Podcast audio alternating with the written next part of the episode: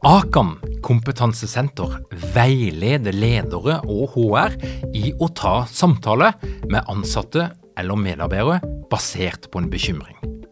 Akan setter ledere og medarbeidere i stand til å forebygge og håndtere en problematisk bruk av alkohol, narkotika, legemidler, spill eller doping blant ansatte.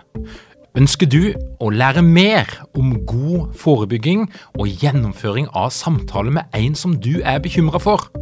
Da kan du nå få tilgang på Akan sitt digitale samtalekurs til spesialpris, kun 760 kroner. Målet med kurset er å gjøre deg tryggere i det som kan være en krevende, men viktig samtale å ta i lederrollen. Du får tilgang til kurset med å gå til samtalekurs.no, samtalekurs.no, og bruke kampanjekoden LEDERPODDEN. Tilbudet gjelder ut april.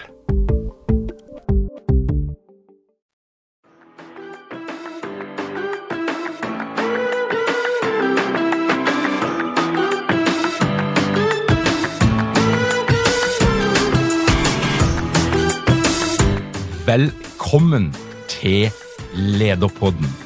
Mitt navn er Tor Åge Eikerapen. Jeg jobber som organisasjonspsykolog, og dette her er en podkast om ledelse. Akkurat nå så opplever mange selskaper stor vekst og gode tider. Men det er òg ganske mange som er på vei til å planlegge store nedskjæringer og omorganiseringer som et resultat av digitalisering og at markedet som de jobber i, har endra seg dramatisk den siste tida. Som organisasjonspsykologer snakker vi mye om hva ledere skal gjøre før en endring eller oppsigelse. Men vi snakker nok litt for lite om det som skjer etterpå. Og det skal det bli en forandring på nå. For jeg har invitert inn en organisasjonspsykolog med en særlig interesse og kompetanse på det som skjer etter at en organisasjon har blitt utsatt for oppsigelse eller dramatiske omorganiseringer. Og som dere har fått med dere, i sommer så kjører vi litt dansk stil her i Lederpodden. Når ikke vi kan komme til Danmark, så må Danmark komme til oss. og Derfor så er det veldig stas å ønske velkommen Trille Frodelund Lykke til Lederpodden. Tusen takk for det. Og øh, ja, det blir på dansk fra min side av. Øh, så øh, dejligt. deilig. Takk for invitasjonen. Tusind tak, Trille, og jeg skal jo prøve mig på, på lidt dansk. Det tror jeg måske ja. nogen af, af vores lyttere finder irriterende, mens andre kan synes, det er rigtig underholdende. Så får vi mm. håbe på, at det flest er i den sidste kategori. Men ja. du uh, holder til i København. Du er direktør ja. og erhvervspsykolog i News Stories, og uh, ja. du har blandt andet været med og skrevet en, en bog, der hedder Ledelse efter fyringer. Ja. Og øh, lad os starte med, med begyndelsen. Hvad, hvad er det, som er dit store faglige engagement? Øh, altså, du har et selskab, der hedder New Stories, og det indikerer jo, at det er et eller andet med ændring. Ja. Men, men øh, jeg er nysgerrig. Hvad er det, du, du brænder for? Mm.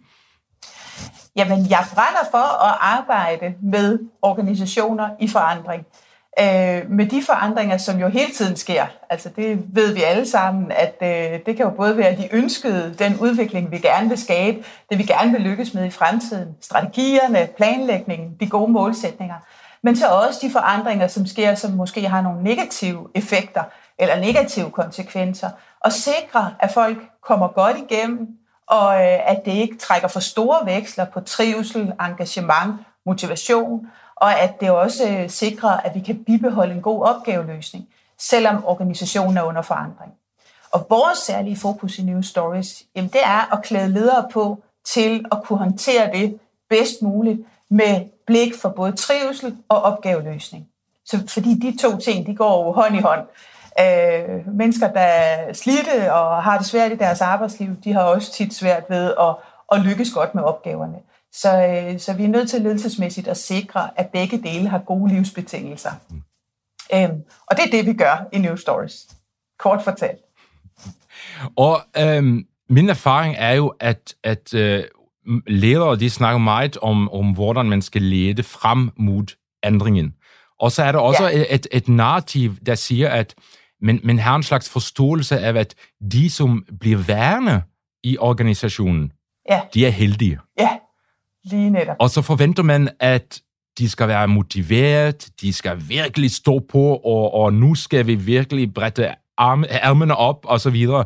Men, men, men uh, erfaringen er jo faktisk, at det er meget skælden, at det er god stemning i en organisation, hvor mange kolleger har blivet fyret, eller man har omorganiseret, sådan at uh, der er ingen, som længere jobber med de, som de, de plejer at arbejde sammen med. Hvad, hvad, hvad er din erfaring? Jamen, min erfaring, den er, som du også siger, at der bliver brugt rigtig meget ledelsestid på at planlægge fyringsprocesser og nedskæringer. Øh, man gør en hel del ud af at sikre, at, øh, at tingene kommunikeres ordentligt ud, og at der bliver taget godt hånd om dem, der bliver opsagt. Øh, og det er jo også noget, som man ved af erfaring, at det er vigtigt, og det er vigtigt både for de mennesker, der skal forlade organisationen, men også for dem, der bliver tilbage. Men det, som vi så gentagende gange i alle de år, vi her i New Stories har arbejdet med organisationer i forandring, det vi gentagende gange har set, det er, at efter fyringsrunder, efter nedskæringer, så er det ligesom om, der ofte opstår et tomrum, hvor der ikke længere bliver taget hånd om dem, der bliver tilbage i organisationen. Måske endda fordi, at man nogle gange tænker, jamen, øh, de er jo heldige. De er her stadigvæk, de har stadig deres gode job, så, øh, så nu, øh, nu er det på tide at kigge fremad, nu er det på tide at komme videre med nye opgaver, nye organisering osv. Øh, og det betyder altså tit, at der sidder en masse mennesker tilbage, som ikke nødvendigvis oplever, at der har været rum til at tale om, hvad det her det betyder for dem. Øh, fordi de skal jo også omorganisere sig. De skal også finde nye samarbejdsflader. Nogle skal måske også arbejde med, at, øh, at de selv har været bange for at blive fyret, øh, eller at de sidder tilbage med en oplevelse af tab, fordi de har mistet nogle gode samarbejdsrelationer i kraft af de kolleger, som har forladt organisationen. Øh, og så har vi jo, altså det som vi som erhvervspsykologer og som konsulenter har oplevet, det er tit, at når vi bliver kontaktet af en organisation, hvor man oplever store samarbejdsproblemer eller konflikter eller højt sygefravær, så når vi spørger lidt ind til, hvad der er sket rent historisk, så øh, hører vi tit historien om, at der er sket nogle fyringsrunder, nogle nedskæringer et halvt år eller et års tid før. Øh, og at det så først viser sig på den lidt længere bane, at de her ting, de stadigvæk hænger i væggene, eller at de stadigvæk præger samarbejdsrelationerne. Så, så i de teams, hvor man ikke har fået lejlighed til at tale om de her forskellige reaktioner, der vil man opleve ofte over tid, at samarbejdet bliver besværligt gjort. Øhm, og måske opstår der også sådan en, en latent utilfredshed med ledelsen, fordi man måske har nogle øh, følelsesmæssige eftervirkninger af, at der ikke blev taget hånd om dem, der var tilbage i organisationen. Og hvad, hvor er det, ledere tror fejl? Hvor, hvad, hvad er det, de, de gør nærmest på automatik, mange? Jamen, øh, jeg oplever jo, altså det, det vi taler om blandt andet i bogen Ledelse efter fyringer, det er, at vi kan se, at der er sådan nogle, der opstår sådan en slags tidszoner i organisationen, som, øh, som viser sig ved, at man i ledelsen jo ofte har brugt lang tid på at forberede de her fyringsprocesser. Man har haft møder, man har haft, øh, det, det er måske talt om på topledelsesniveau, et helt op til et halvt år, inden det meldes ud til resten af organisationen. Så man er allerede som ledelse langt i sin bearbejdning, og synes måske, at nu har man været rigtig, rigtig grundig.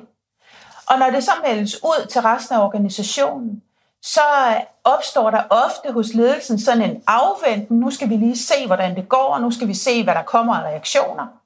Og efter 14 dage, hvis der ikke er kommet nogen voldsomme reaktioner rundt omkring i organisationen, så konstaterer man, at jamen, så gik det okay det lykkedes, og vi fik taget godt afsked med dem, der skulle forlade organisationen. Vi havde vores HR-processer på plads. Og så fordi man selv har brugt så lang tid, jamen så er man allerede videre. Nu tænker man, nu er vi trætte af at snakke om det. Nu har vi brug for at komme videre. Vi har brug for at fokusere på det fremadrettede og på strategi 2025. Øhm, men man tager ikke hånd om, at medarbejderne befinder sig i en anden tidszone. de befinder sig jo der, hvor tingene er kommet, måske nogle gange som lyn fra en klar himmel, og man måske lige har brug for tid til at og sådan lade, lade den erfaring med de ændringer, der skal ske, lade den bundfælde sig, før man er klar over, hvad behovet er, og før man måske helt er klar til at tale om, øh, hvordan det påvirker en, og hvordan det påvirker samarbejdet. Øhm, og det er ledelsens ansvar at skabe det rum. Og det er også ledelsens ansvar at sørge for, at der er noget tid, hvor man vedligeholder det rum til at tale om fyringer eller nedskæringer. Så man ikke går for hurtigt videre. Fordi der er langt større faldgruppe i at gå for hurtigt videre, end at tale om reaktionerne en gang for meget. Jeg tror aldrig, jeg har mødt en organisation, hvor det blev oplevet som, at, øh, at det var spild af tid. Det skulle vi aldrig have talt om. Fordi så skaber man bare rummet for det, sikrer, at alle føler sig hørt, og så kan man jo vende, vende fokus på andre, øh, andre temaer bagefter. Hvad, hvad er det, som øh, sker i processer, der, der det går forkert, hvor man, øh, altså, øh, hvor man ser, at der er mange mennesker, der, der er ikke klar at fungere optimalt bagefter?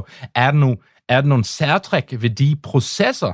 For, for det er jo også noget, man er optaget af. Altså, hvordan skete mm. de her fyringer? Var det, var det retfærdigt? Ja. Var det, blev det ja. gjort på en ordentlig måde? Øh, I hvilken grad ja. tog man vare på de, sine, altså disse kollegaer? Ja. Øh, der oplever jeg egentlig, at rigtig mange organisationer er meget godt med. Altså man har mange steder nogle gode HR-processer omkring opsigelser. Øh, og de fleste går heldigvis rigtig meget op i at gøre det ordentligt og med respekt og hensyn til dem, der bliver opsagt. Det betyder jo også, at man mange steder til, tilbyder outplacement-forløb og hjælp til at komme godt videre i arbejdslivet. Øhm, men, men ud over det, fordi det betyder selvfølgelig noget, så skal man være opmærksom på det begreb, der hedder survivor syndrome, som, øh, som faktisk er hentet fra krigspsykologien. Øh, det er et begreb, som oprindeligt er, er blevet brugt og opfundet inden for krigspsykologien hvor man kunne se, at øh, de soldater, som havde været afsted i krig, og øh, som overlevede og kom hjem, de havde jo nogle eftervirkninger, og, øh, og havde også, kunne man så konstatere, nogle gange skyldfølelse over at have overlevet, når deres kammerater ikke gjorde det. Øh, det har man så inden for organisationspsykologien i nogle studier overført til, øh, til organisationer, fordi man kan se, at noget af det, der sker med dem, der bliver tilbage i organisationen, det er, at de faktisk sidder tilbage med sådan en form for skyldfølelse. Dels over, at øh, kolleger blev opsagt, og det måske ikke er tydeligt, jamen hvorfor blev det ham og ikke mig? Det er måske tilfældigheder, der gjorde det. Nogen kan også øh, føle skyldfølelse over, at de rent faktisk ikke er taknemmelige for at være i jobbet stadigvæk fordi de måske oplever, at det faktisk er svært, og det ikke er en særlig rar organisation at være i, fordi organisationens stemning er dårlig, eller der er kommet en utilfredshed med ledelsen, eller nogle begyndende konflikter. Så, så der skal skabes rum for at få sat ord på, at man ikke nødvendigvis sidder tilbage og synes, man har, man har vundet i lotteriet, fordi man stadigvæk har sit job. Og det skal ledelsen selvfølgelig kunne rumme og have den snak øh, og ikke se den som et nederlag, eller som at så, så lykkedes vi ikke godt med fyringsprocesserne. Øh, så det er jo en, et aspekt, som kan være vigtigt, bare helt basalt at have noget viden om som leder, at de her psykologiske processer, de går i gang, og de er, det, det er noget, der sker mange steder. Øh, derudover, så, så er der jo også et aspekt i det her med, hvis dem, der er blevet opsagt, skal blive i organisationen, måske et halvt år, før de reelt træder ud af deres stilling. Så har man altså lige pludselig nogle teams, hvor der er nogle ret store forskelle i forhold til, at nogen stadigvæk skal indgå som fuldgyldige teammedlemmer, men de egentlig er opsagte. Og det ved kollegerne, og det ved de selv. Og det gør noget ved relationer mellem mennesker. Det gør noget, at jeg sidder med omkring bordet, men er en, en der er blevet opsagt, og du sidder der, øh, og du er ikke blevet opsagt. Øh, og og selvom man, man får det, får sagt det, og at der er en viden om det, så får man ikke nødvendigvis altid talt om, hvad betyder det så i vores daglige samarbejde? Øhm, og jeg har gentagende gange, også i de samtaler, vi har haft ude i organisationer, hørt, at nogle af de medarbejdere, der bliver tilbage, de oplever sig som sådan en slags uh, walking dead eller øh, zombier, der går, der går lidt rundt og ikke rigtig føler, at de, at de helt ved, hvor de skal gøre sig selv, fordi de ikke har den samme, det samme mandat i forhold til nogle af de samtaler, der er. Så det er ekstremt vigtigt, at lederne tager hånd om den samtale, så der ikke opstår tabuer. Så der ikke opstår sådan nogle organisatoriske tabuer, hvor man tænker, ej, skal vi nu tage Hans Peter med til mødet? Fordi han er her jo ikke om et halvt år. Vil det være mærkeligt for ham, hvis vi taler om strategien? Så må vi hellere lade være. Altså lige så snart sådan noget bliver usagt og ikke bliver talt om, så ligger det en mærkelig dæmper på samarbejdet. Så er det bedre at tage den op front og sige, okay, det her møde, det handler om noget fremadrettet. Hans Peter, giver det mening for dig at være med, eller skal vi lave nogle andre aftaler omkring det her møde? Øh, foretrækker du måske at være med til en del af det, eller, eller kan vi tale om det på måder, så det er helt naturligt, at du også er her? Øh, fordi folk skal selvfølgelig også være en del af samarbejdet, så længe de nu er i organisationen. Og det indebærer jo også, at ofte så er jo en, en fyringsrunde, den er jo motiveret, at man skal spare penge. Øh, og så er, er jo spørgsmålet, om man faktisk kan, kan også øh, komme der, at man, man, man taber penge, fordi at man mister produktivitet, man mister motivation, hvis man ikke ja. gør det her på den, den rigtige måde. Lige nøjagtigt. Altså, det er der lavet, lavet flere studier af, om man, om man så at sige realiserer den ønskede besparelse. Øhm, og det viser de her øh, studier altså, at det gør man ikke i, i ret stort omfang.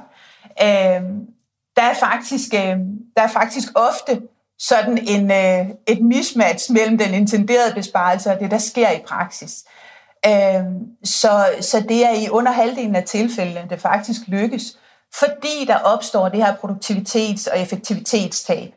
Øh, og fordi det tager tid at for mennesker at komme igennem en forandring, og det er sjældent, man har budgetteret med den omstillingstid. Det er sjældent, den er lagt ind i beregningerne. Øhm, og det tager også tid at, øh, at lave nogle gode fratrædelsesprocesser, øh, hvor, hvor, der skal, hvor der skal bruges tid på at genetablere teams, genetablere samarbejdsprocesser. Øh, og man skal også huske på, at lige så snart man i en samarbejdssammenhæng tager et menneske ud af ligningen, så er der jo en form for tomrum. Så er der jo nogle nye forbindelser, nogle nye samarbejdsflader, som skal genetableres, og, og som der skal være noget dialog om. Fordi vi rykker jo ikke bare plads, vi har også brug for lige at finde os til rette og finde ud af, okay, hvordan koordinerer vi to så, hvis vi nu sidder i et team, hvor vi mangler to kolleger, som var der tidligere. Øhm, og alle de ting skal der selvfølgelig øh, tages hånd om, fordi det er ekstremt, det skaber et ekstremt pres og et ekstremt risiko for stress og sygemeldinger, hvis der ikke sættes tid af til, at vi skal finde os på plads i det nye. Og at ledelsen også tydeliggør over for medarbejderne, at der er rum for, at vi har de nødvendige samtaler. At de, de er taget med i betragtning øh, så man også godt kan se, at man får noget omstillingstid og noget tid til at finde sig til rette i det nye. Øh, fordi ellers så, så sætter det sig jo som sådan en overbelastning. Fordi vi skal forestille os, at hvis man starter med en følelsesmæssig overbelastning, som skyldes måske chok og angst for at miste sit job, øh, og, og savnet af tidligere kolleger, og hvis vi så oven i det putter en belastning, som er en produktionsbelastning, som handler om, at nu skal vi skrue tempoet op, nu skal vi indhente besparelsen, øh, jamen så har du altså en rigtig dårlig cocktail af det, der får mennesker til at gå ned med stress eller blive langtidssyge i deres, øh, i deres job. I, I Norge så har vi de sidste årene haft en række sammenslåinger, blandt andet af kommuner. Ja. Øhm, store sammenslåingsprocesser, hvor man bliver rykket mm. op af sit øh, arbejdsmiljø, hvor man måske har arbejdet i, i mange, mange år, og så bliver man placeret ja. ind i en helt anden ny sammenhæng med, med nye mennesker. Øh, i, ja. I hvilken grad ser du øh, øh, lighedstræk mellem det, som sker under fyringer, og det, som sker under store omorganiseringer, som for eksempel sammenslåinger af kommuner? Mm. Ja. jeg ser rigtig mange lighedstræk. Øh, og, øh, og jeg kan også altså jeg kan også afsløre, at da vi skrev bogen, der havde vi en arbejdstitel, der hed Ledelse efter fyringer, nedskæringer, omstillingsprocesser og fusioner. Men den blev lidt for lang. Øh, men det er jo fordi mange af de psykologiske mekanismer er de samme.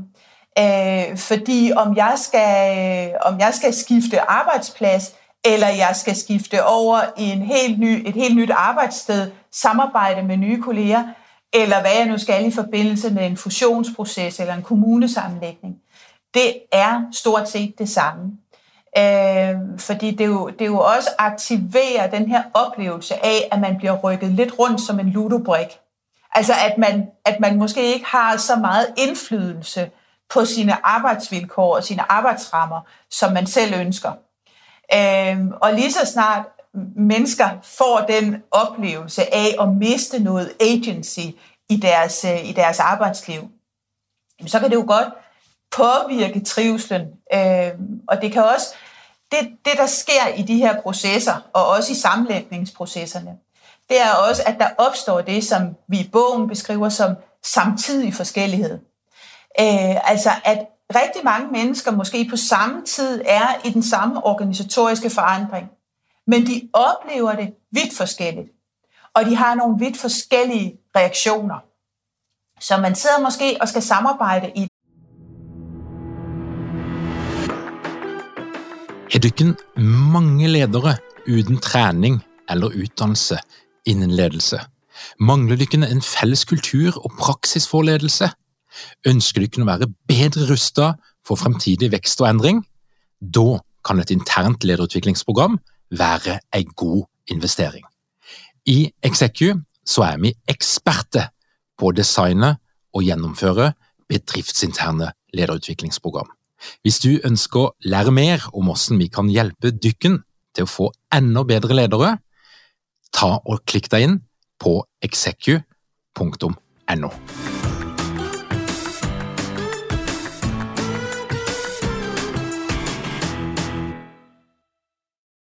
team, hvor der er en, der tænker, yes, det her det bliver fedt. Det har jeg glædet mig til, og det giver nye spændende muligheder. Øhm, jeg får nogle nye gode opgaver og nogle nye gode kolleger. Og så sidder der en ved siden af, som tænker, jeg savner det gamle. Jeg savner de kolleger, jeg havde før. Jeg kan slet ikke se meningen med det her. Og der er måske en tredje, der tænker, ej, jeg synes slet ikke, vi har fået talt om, hvordan vi har det. Jeg synes, mange er kede af det, og jeg kan mærke, at det påvirker mig.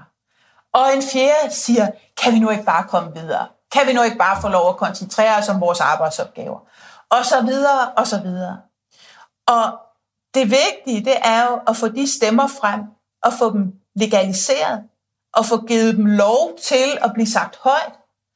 Fordi ellers så sker der det, at det er nogle stemmer, der træder frem, som så kommer til at tegne fællesskabet. Altså definere, det er sådan her, vi har det. Og så vil der være andre, der føler sig tilsidesat eller ikke hørt. Øh, og lige så snart sådan noget sker i en samarbejdssammenhæng, så har vi altså kimen til samarbejdsudfordringer og konflikter på den lidt længere bane. Så ledelsens vigtigste opgave her, det er at få skabt en ramme for, at den samtidige forskellighed, den kan få lov til at blive sagt højt. At vi kan legalisere, at vi reagerer og responderer meget forskelligt på det samme grundvilkår. Øh, og det er hvad enten der har været fyringer, eller vi er i en sammenlægnings- og omstillingsproces. Så, øh, så, skal, så skal det rum etableres. Øh, og vi har, når vi arbejder med det i New Stories, jamen, så har vi forskellige teknikker og metoder, vi bruger. Blandt andet sådan nogle dialogkort, man kan tale ud fra.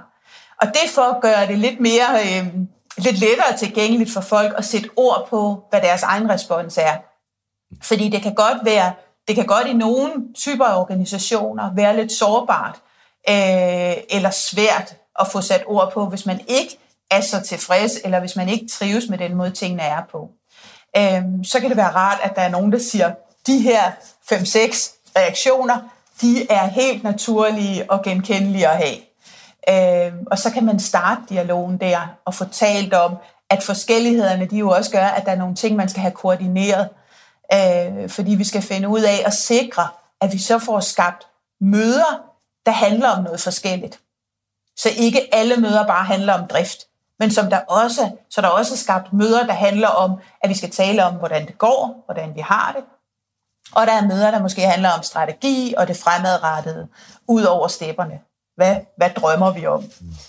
Øh, og, og altså, noget af det, som øh, det spørgsmål, vi ofte stiller lederne, øh, når vi arbejder med dem, det er, at vi spørger til, er der nogen stemmer her, som ikke er blevet hørt? Altså, er der, er der noget, der ikke bliver sagt højt, men som I, I tænker, at sådan er der måske nogen, der har det?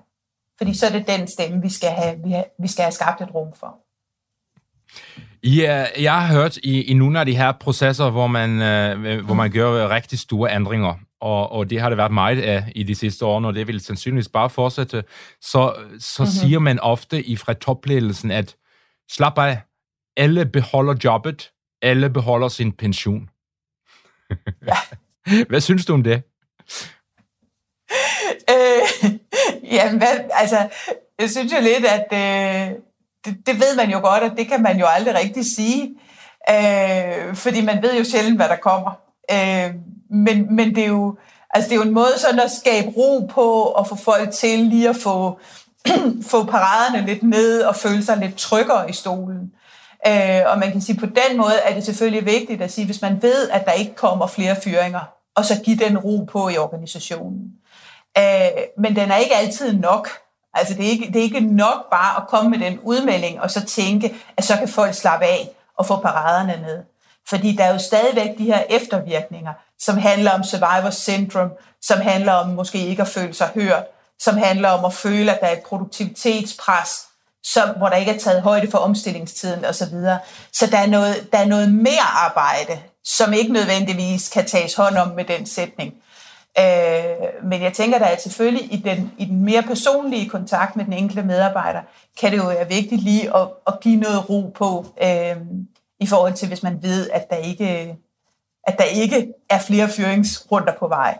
Men det er jo ikke altid, man ved det. Mm. Nej, og så, øh, ja, og så har jeg også en, en forståelse af, at det er jo ikke, der er jo ikke alle mennesker, som synes, at det at blive fyret er det værste, som kan ske.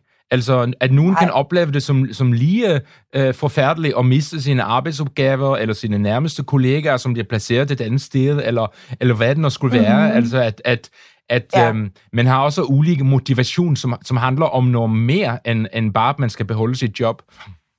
Ja, ja. Øh, og det er jo klart, at der er vi jo som mennesker meget forskellige. Det er også forskelligt, hvor vi er i vores liv. Altså, hvad, hvor, hvor afhængige er vi af vores job? Øh, har vi en, øh, nogle livsvilkår, der gør, at vi egentlig sagtens kan være uden job i en periode, eller er vi meget afhængige af det, fordi vi lige har købt hus og, øh, og har nogle store udgifter? Øh, det er også forskelligt, hvor, hvor, hvor afhængig man er af relationerne på sit job. Altså, hvor meget er de måske ens nærmeste venner, ens øh, gode gamle kolleger, som man havde set sig selv blive gammel sammen med. Øh, altså, der er mennesker meget forskellige steder. Øhm, og, og noget af det, som vi jo ser i de her fyringsprocesser og i, og i de studier, der er blevet lavet af det, det er jo også, at nogen, når, når man sådan måler på, på mental well-being og trivsel og fysisk helbred, så kan man faktisk se, at øh, dem, der forlader organisationen, de har ofte et bedre mentalt og fysisk helbred seks måneder efter fyringerne, end dem, der blev tilbage. Øh, altså, så, så der, er også, der er også noget sådan i, at, øh, at det er faktisk rigtig hårdt at være i en organisation efter fyringer. Og det, det, det, det kræver noget af en. Øh, men selvfølgelig så, så, så er der også det aspekt i det, at vi ser også, at nogle gange, så når der er sket fyringer, jamen så kommer der automatisk nogle opsigelser i kølvandet på det, og det er ofte nogle af de medarbejdere, som man rigtig gerne vil have fastholdt i jobbet, fordi de måske også er dem, der har lettest ved at gå ud og få et andet job. Og de har måske konstateret, nej, jeg har egentlig ikke øh, brug for at være her mere, fordi det er ikke, særlig, det er ikke et særligt fedt sted at være. Øh, og det gør også noget ved ens selvopfattelse at være i en organisation, hvor der er store fyringsrunder. Så der er, mange, der er mange aspekter, man skal tage højde for, i forhold til, hvordan man, hvordan man planlægger processen, øh, og hvor meget man regner med, man skal bruge tid efterfølgende. Hvad, hvad gør de bedste de som klarer at få god gang i sin organisation bagefter, og, og, og som, som gør det på den rette måde. Hvad, hvad er det, de gør helt praktisk? Jamen, øh, jeg kan se et billede af, at, øh, at de, de skaber rum for de her samtaler. De gør det til en tydelig ledelsesopgave. De klæder mellemlederne, personallederne på op til fyringsprocesserne, så mellemlederne ved noget om de her ting. Fordi jeg møder rigtig mange ledere, som faktisk ikke ved ret meget om, hvad de, hvad de så skal gøre, hvad der forventes af dem. Og det, det skal jo være en del af forberedelsen, at personallederne skal være klædt på til at have de her samtaler. De skal være klædt på til at forstå de reaktioner, der kommer. Øhm, så det er en ting, de, de vellykkede øh, organisationer inden for det her gør. Øhm, og så tænker jeg, så laver de gode inddragelsesprocesser. De sørger for, at forskellige vigtige interessenter og øh, områder og organisationen er inddraget i processen. Og nu ved jeg jo ikke, hvad det hedder i Norge, men i Danmark, der hedder det TR og AMR, øh, tillidsrepræsentanter og arbejdsmiljørepræsentanter. Øh, men det er jo sådan noget, man har i rigtig mange organisationer, som en del af det system, som skal være inddraget i at have samtaler, så både medarbejdere og ledere er, er en del af at finde de gode løsninger og få lavet de gode processer. Vi har også, øh, vi har også set, at de steder, hvor man nedsætter sådan et særligt, øh, et særligt udvalg eller øh, en særlig gruppe, der har til opgave løbende hen over det, det efterfølgende år at følge op på, hvordan går det så? Er der nogle behov, vi ikke har fået taget hånd om? De får altså også skabt en god kultur omkring det her. Så, så ja. Og så aftabuiserer man alt det her, så man gør det legalt at tale om, og så man også skaber rum for, at de medarbejdere, der er fyret, de får en god, en god afsked fra organisationen. Er, er, der nogle, er der nogle modsætninger i den her måde at tænke på, og den, den mere traditionelle, klassiske change management-litteraturen, øh, altså som John Cotter for eksempel, som jeg hører nogen siger, at, at øh, et, et perspektiv er, at han i sine teknikker, så handler det om at, at næsten lure medarbejderne ind i ændring. Altså, at det er nogle manipulerende og nogle øh, autoritært med den måde at tænke på. Har du, har du nogle perspektiver på det? Øh, nu ved jeg ikke, hvad lue betyder. Nej, nej det betyder, at man, øh, øh, at man prøver at, at manipulere mere eller mindre. Ja, ja, ja. Øh, altså, det, det tænker jeg i udgangspunktet sjældent fungerer særlig godt på den længere bane. Øhm, fordi de fleste mennesker, de er faktisk øh, meget kloge og, øh, og, og øh, går også op i og kan godt se for sig, hvad det er, der er attraktivt for dem og meningsfuldt for dem at arbejde i.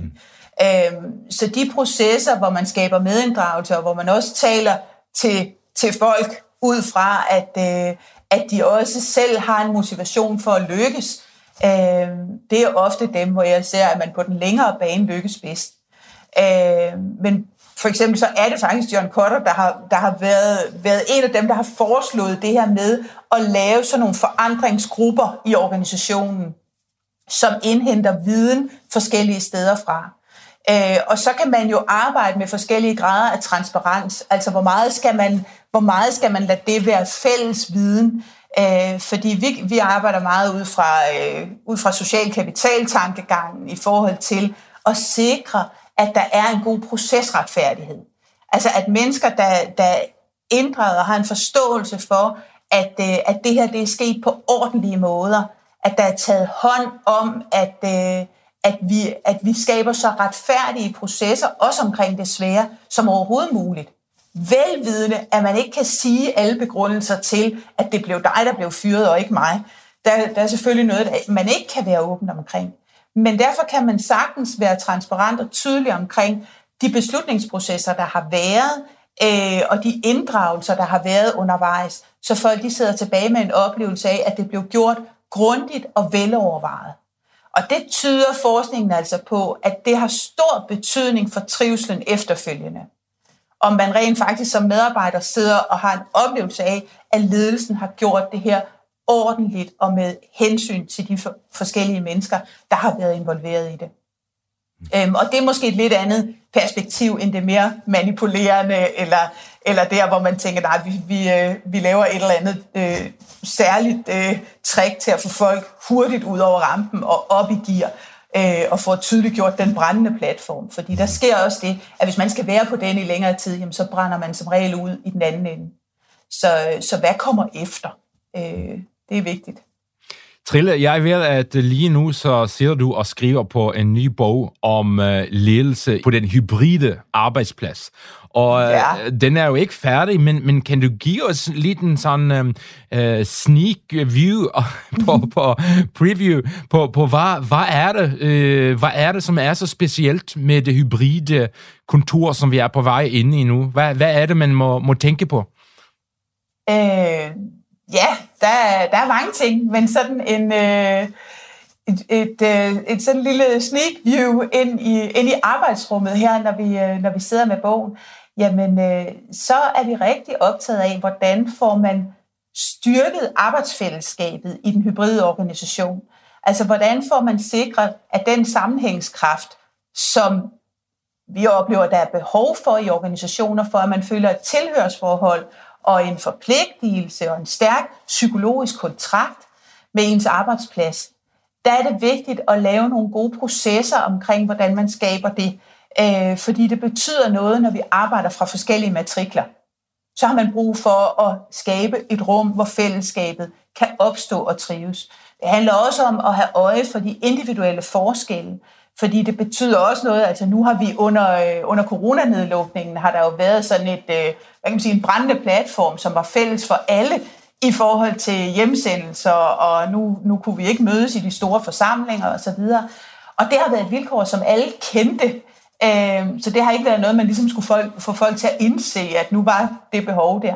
Men der er jo noget, der ændrer sig nu, når vi så vender tilbage på nogle arbejdspladser, hvor der vil være plads til en større variation, og hvor nogen måske vil vælge i højere grad end andre at arbejde fra den fysiske arbejdsplads, kontorlokationen og andre sidder hjemme, så skal ledelsens opgave bliver i høj grad at få forbundet de her arbejdsprocesser, så man både i opgavetilretlæggelsen tager højde for, at der skal skabes opgaveforbindelser, så man bruger hinanden på kryds og tværs, og så man får viden delt på en, på en måde, som løfter opgaverne, øh, men også at man får skabt de her forer, hvor, hvor teamånden og fællesskabet kan trives og udvikle sig.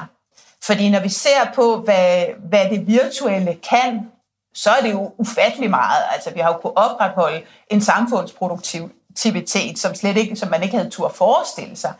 Øh, men der er også nogle aspekter af, af arbejdet, som, øh, som ikke har så gode vilkår på, på distancen. Og det er det mere innovative, samskabelsen, der hvor vi får nye idéer sammen. De tilfældigheder, som opstår, når vi er på en fælles fysisk arbejdsplads, de skal på mange måder have et, øh, et rum, som ledelsen har øje for, hvordan man tilrettelægger.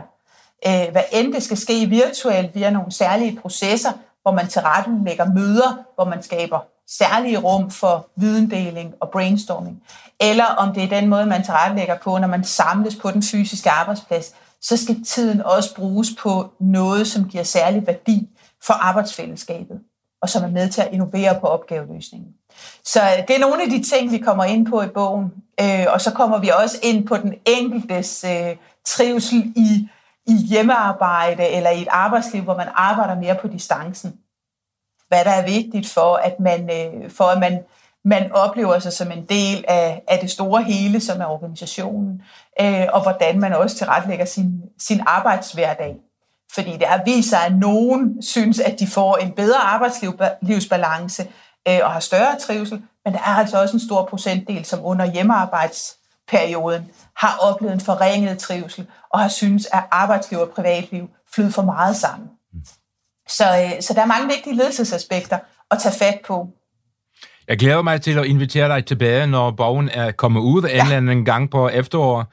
Øhm, men Trille, øh, du bliver også spurgt til råds som konsulent og, og rådgiver om, øhm, hvad er det, øh, stressede ledere skal foretage sig nu, som det er sommerferie? Altså, hvordan skal man maksimalisere den her muligheden til at få energi og, og være klar og parat til at komme tilbage en, en eller anden gang i august? Hvad siger du? Ja. Jamen, øh, jeg siger som regel det, at øh, en af mine særlige pointer til, med, øh, til lederne, øh, når jeg også holder oplæg om de her svære forandringer, det er faktisk også den, jeg vil sige nu, det er det her med at huske at tage iltmasken på. Øh, husk nu at bruge det her tidsrum, den her ferietid, til rent faktisk at komme i et helt andet gear. Få restitueret, få givet både krop og sind noget ro. Det kan godt være, at der er masser af spændende ledelseslitteratur, og øh, ja, jeg har da også skrevet noget af det, som man, som man godt kunne læse, men jeg synes faktisk, man skal læse en skønlitterær bog. Jeg synes, man skal tage ud i naturen og svømme en tur i en sø eller i havet. Øh, fordi jeg også tror på, at man er en meget bedre leder over for de mennesker, man skal være leder for, hvis man også er et godt sted med sig selv, og hvis man kan mærke sin egen krop og, øh, og, og tænke frit og, øh, og har en god ro på selv, så, øh, så er man altså også meget bedre til at tage hånd om andres arbejdsmiljø og andres trivsel. Så, øh, så, så det bliver sådan et, øh, et meget øh, basic svar, som handler om, hold nu ferie, når du holder ferie.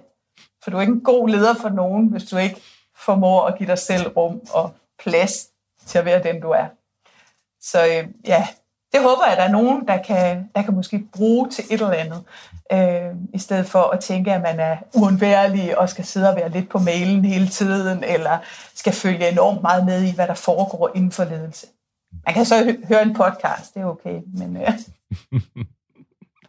tak, Trille, og tusind tak for, at du kom til Lederpodden. Tusind tak for invitationen. Og til du som hører på, Takk for at du hører på Lederpodden. Hvis du ønsker å følge oss og få eh, ting i e-posten din som handler om alt det vi finner på, så kan du melde deg på vårt nyhetsbrev på lederpodden.no. Der finner du òg alle våre episoder og filmer og det ene og det andre. Hvis du liker Lederpodden, så blir vi veldig takknemlige for at du rater oss i iTunes, eller der du finner dine podkaster. Det betyr at flere kan oppdage Lederpodden. Og til slutt så må jeg minne deg på at det nå nærmer seg 7. september og oppstarten av lederprogrammet, vårt digitale tolv ukers lederutviklingsprogram. Og du finner alt du trenger å vite på lederprogrammet.no. Da ønsker jeg deg en herlig sommerdag, ei herlig sommeruke. Vi er tilbake igjen neste fredag. Enn så lenge, kos deg maksimalt. Og igjen, tusen takk for at du hører på Lederpodden.